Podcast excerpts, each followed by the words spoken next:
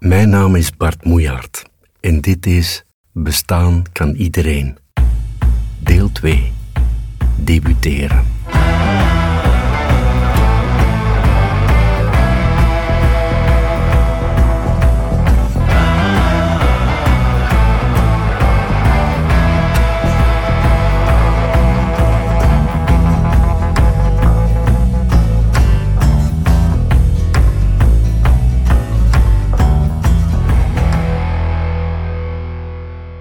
Toen ik Frans Kellendonk in 1987 voor het eerst ontmoette, was mijn echte leven nog niet bijster lang begonnen.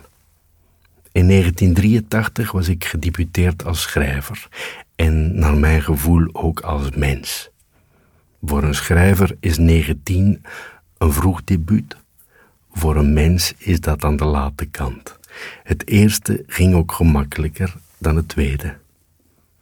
De Oostenrijkse schrijver Peter Stam geeft in Zehn Geboten des Schreibens een klein vadimecum van schrijvers voor schrijvers opmerkelijke raad. Het is niet je stijl die je moet ontwikkelen, maar wel je persoonlijkheid.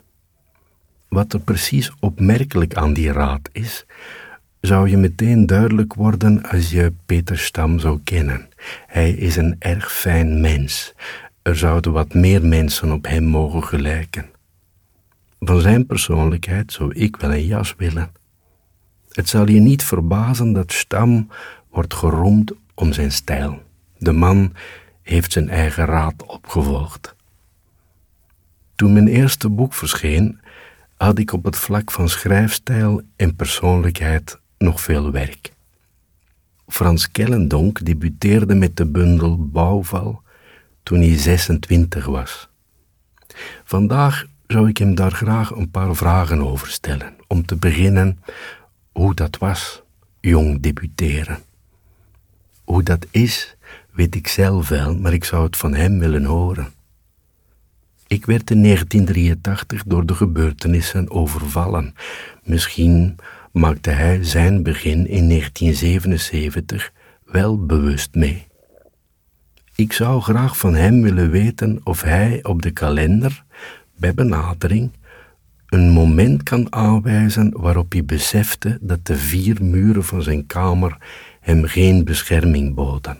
Ik zou willen weten of hij, toen hij zo jong was als ik, besefte wat zijn werk veroorzaakte bij anderen. Of heeft hij zijn werk altijd beschouwd als slechts taal?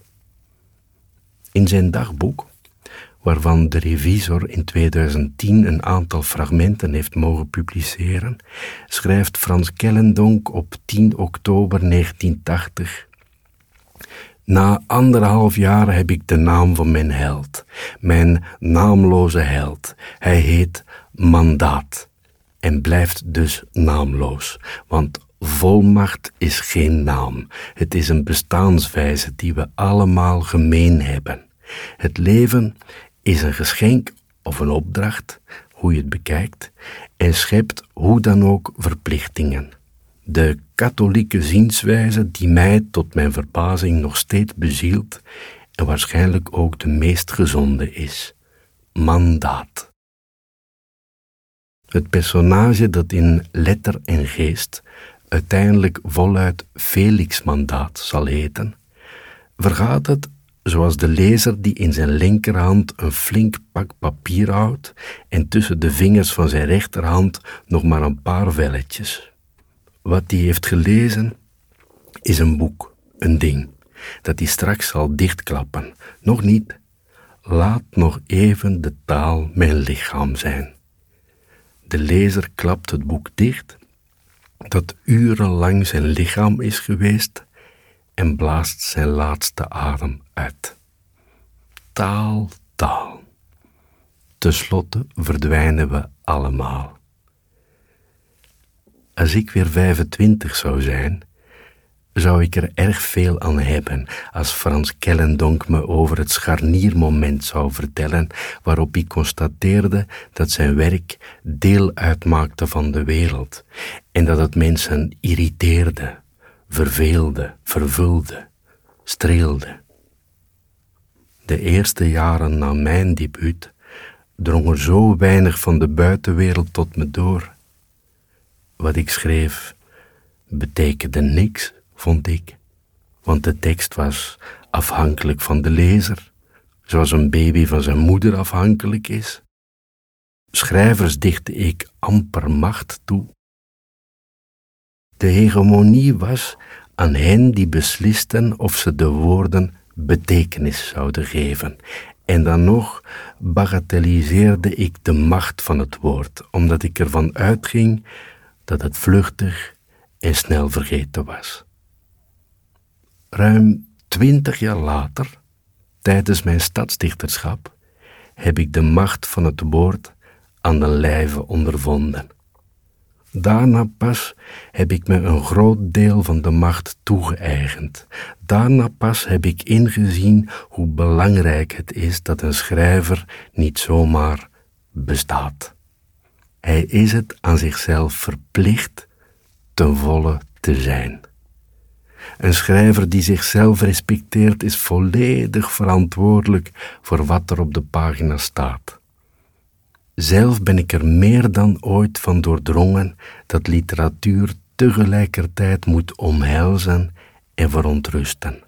Omdat een schrijver, ook een kinderboekenschrijver, juist omdat hij de grenzen van zijn schaamte verkent, aan de lezer niet alleen de gekende, vertrouwde wereld laat zien, maar ook een onbekende, soms zelfs gevreesde of onaangename wereld. Mijn adem stokt als ik lees wat Frans Kellendonk vond dat literatuur moest doen.